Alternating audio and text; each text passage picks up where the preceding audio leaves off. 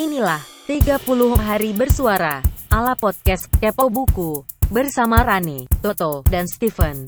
Selamat mendengarkan.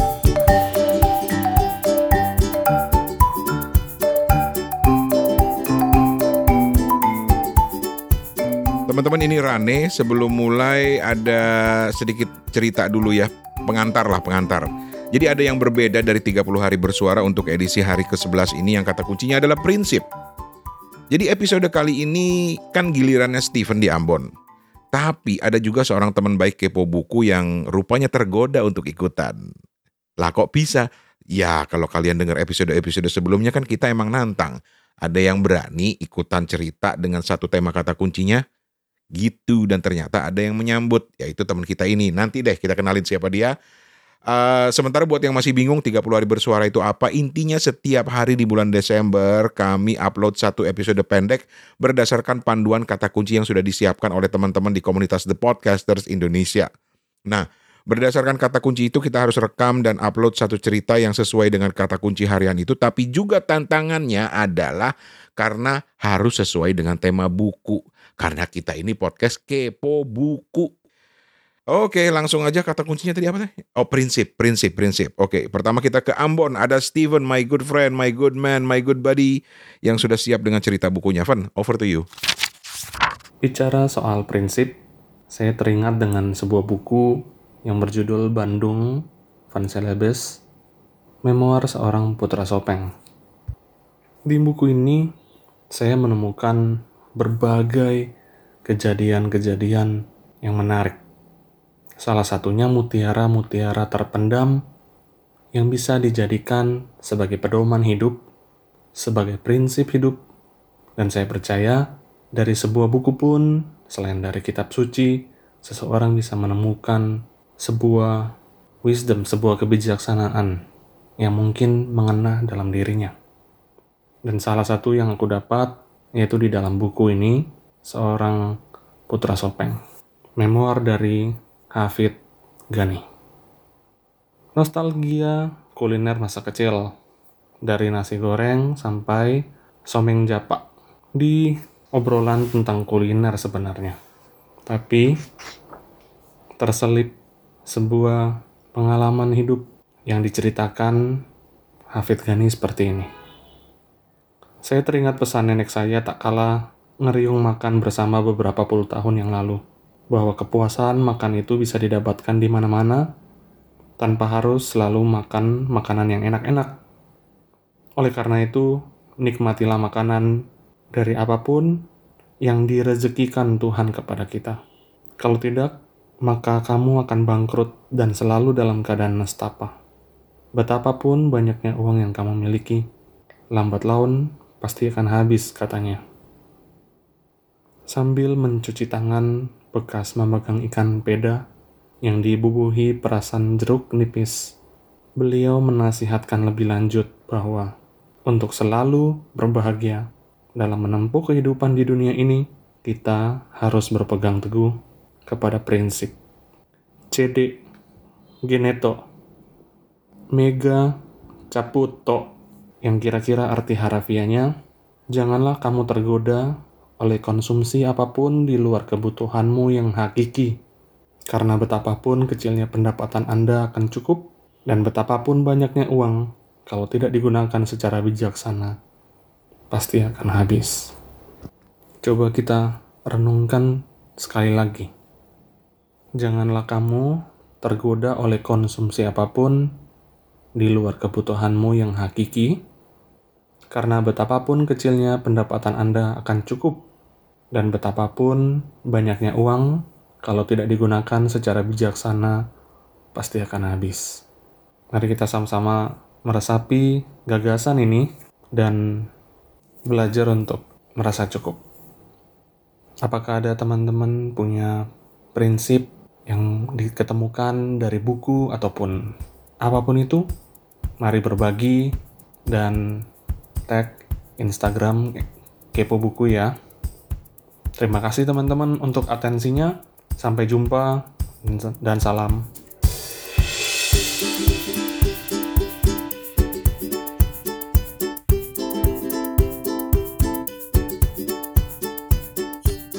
Teman-teman itu tadi Steven yang nanti akan kembali lagi di hari ke-14 di bulan Desember. Oke, selanjutnya kita kan tadi bilang ada teman ya yang mau ikutan juga selain Steven. Ini orangnya jauh banget tinggalnya di Kairo, Mesir.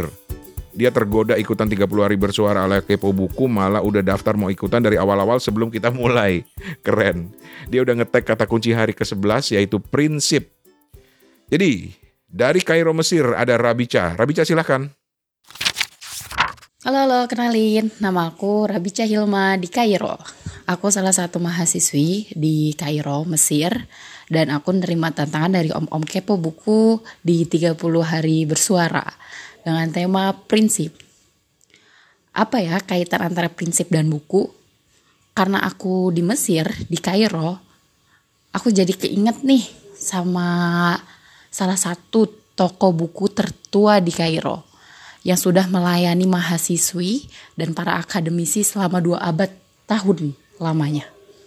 Nama toko bukunya, toko buku Mustafa Halabi. Bayangin, dua abad tahun lamanya. Widih.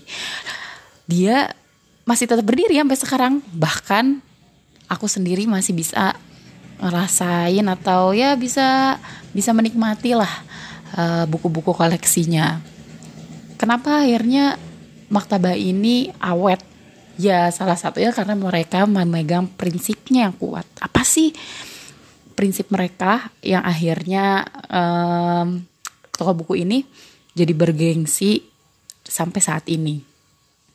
Toko buku Halabi itu dibangun tahun 1859 oleh Syekh Ahmad bin Umar Al-Halabi dengan prinsip menjaga peninggalan ulama. Nah, dengan prinsip ini akhirnya toko buku ini bisa bergengsi sampai saat ini. Di mana eh, zaman makin modern, toko buku Halabi masih dengan menjaga keotentikannya. Di mana buku-buku zaman sekarang udah di layout sedemikian rupa untuk memudahkan para pembacanya Toko buku Halabi justru mempertahankan layout-layout zaman dulunya. Tapi walaupun jadul bahasanya, ini tetap menjadi nilai tersendiri buat para mahasiswa dan para mahasiswinya. Ngomongin toko buku Halabi dengan segala ceritanya, itu di sana terdapat banyak banget koleksi kitab. Bukan banyak lagi, banyak banget kalian bisa kalau ke sana ya bahkan kita tuh disuruh pakai uh, gloves disuruh pakai sarung tangan sama masker saking berdebunya dan takut ada ya kuman-kuman lah. Saking berdebunya ya kalau masuk ke sana jadi kayak berasa masuk ke satu ruangan bawah tanah yang berdebu dan di situ isinya harta karun. Harta karunnya itu buku. Dan itu sebenarnya nggak rapi banget karena ya bayangin aja udah dua abad tahun lamanya banyak buku yang misalnya nggak habis terjual akhirnya ditumpuk di sana. Bagi para pecinta ilmu ini menjadi suatu harta karun yang gak ada nilainya kita kayak harus berusaha lah buka buku satu-satu sampai akhirnya kita nemuin buku atau harta karun yang kita mau.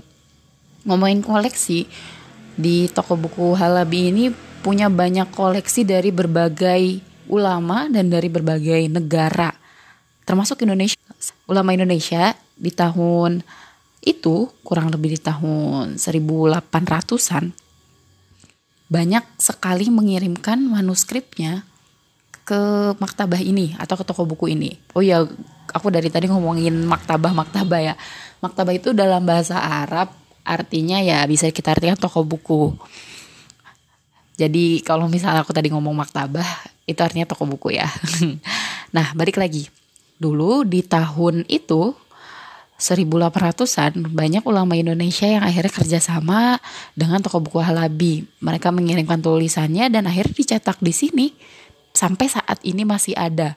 Dan gak cuman di Indonesia, gak cuman karangan ulama Indonesia. Toko Halabi juga mengoleksi banyak sekali buku-buku dari negara lain Indonesia, Malaysia, Singapura. Halo Om Toto, Singapura. Ulama Singapura juga banyak ngirimin uh, karyanya ke toko buku ini. Termasuk ulama-ulama Thailand, Hai Om Rane. Di sini banyak banget bukunya di toko buku Halabi. Brunei juga begitu. Dan khasnya, walaupun uh, ulama-ulama Indonesia itu bikin buku uh, khususnya tentang agama Islam ya, tentang pelajaran agama Islam, itu ditulisnya dengan aksara pegon.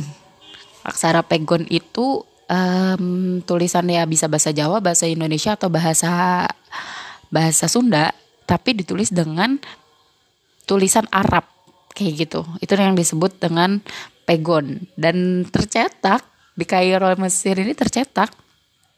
Dan paling banyak karya ulama Indonesia yang ada di toko buku ini itu ada karyanya uh, Maulana Syekh Nawawi Banten. Kalau orang Thailand, Syekh Abdullah Daud Al Fatoni, beliau dari Fatoni dari um, Thailand. Ada juga karangan Syekh Mukhtar Biraden Nata Negara dari Bogor. Coba hai orang Bogor yang lagi dengerin. Nih kalian harus bangga loh. Salah satu orang Bogor uh, karyanya dicetak di Kairo ini. Bukunya tentang apa sih? Beragam. Uh, ada ilmu akidah, ilmu falak. Ilmu falak itu astronomi. Ada bahkan matematika. Ada loh. Riyadiyah. Uh, bahasa Arabnya Riyadiyah. Matematika ya gitu nah ciri khas lain uh, dari buku-buku otentik ini klasik atau maktut maktut itu um, manuskrip itu biasanya kitabnya kalau kitabnya asli itu biasanya ada cap dan tanda tangan si pengarang buku itu. Itu kayak udah jadi ciri khas lah. Nah terus ngomongin prinsip juga. Tadi kan kita udah ngomongin prinsip uh, maktabah halabi toko buku halabi. Ada juga bisa juga kita ngomongin prinsip dari sisi hmm, penulis buku. Kebanyakan penulis-penulis buku yang akhirnya uh, memberikan tulisannya di toko halabi gak sedikit berarti banyak kan? Gak sedikit atau banyak sekali yang mereka sengaja gak nyertain namanya. Kenapa? Karena prinsip mereka bagi mereka ilmu atau buku yang mereka tulis, karya mereka tulis adalah bentuk um, apa ya hikmah. Hikmah itu apa ya? Hikmah terhadap ilmu. Yang akhirnya mereka ingin ya udahlah saya ingin ikhlas prinsip mereka cuma ikhlas memberi ilmu akhirnya mereka nggak nulis anonim gitu nggak nulis namanya teringat cerita salah satu pengarang buku uh, buku gramatikal bahasa Arab ya atau yang biasa kita sebut dengan nahu namanya Ibnu Al-Jurum. Beliau salah satu ulama yang pernah mengarang buku uh, ya yang mengarang buku tentang buku gramatikal bahasa Arab. Yang beliau karang itu biasanya kita sebut dan tersebar di kebanyakan di pondok-pondok pesantren itu namanya kitab Jurmiyah. Ini kayaknya ceritanya juga udah masyur banget di si di kalangan santri-santri. Ibnu Al-Jurum ini menulis uh, bait-bait nahu, bait-bait gramatikal bahasa Arab dan setelah selesai menulis beliau melemparkan tulisannya kertasnya ke laut dengan niat kalau kertas ini atau karanganku ini eh hanya membuat hatiku meninggi gitu intinya nggak ikhlas biarkan karanganku ini basah dan ditelan lautan tapi apa? Ternyata karangan ini ketika setelah Ibnu Al-Jurum ngelempar ke laut, karya ini kembali ke beliau dengan keadaan utuh. Yang akhirnya sampai saat ini karyanya masih kita nikmati. Ya kurang lebih itu sih kalau ngomongin prinsip.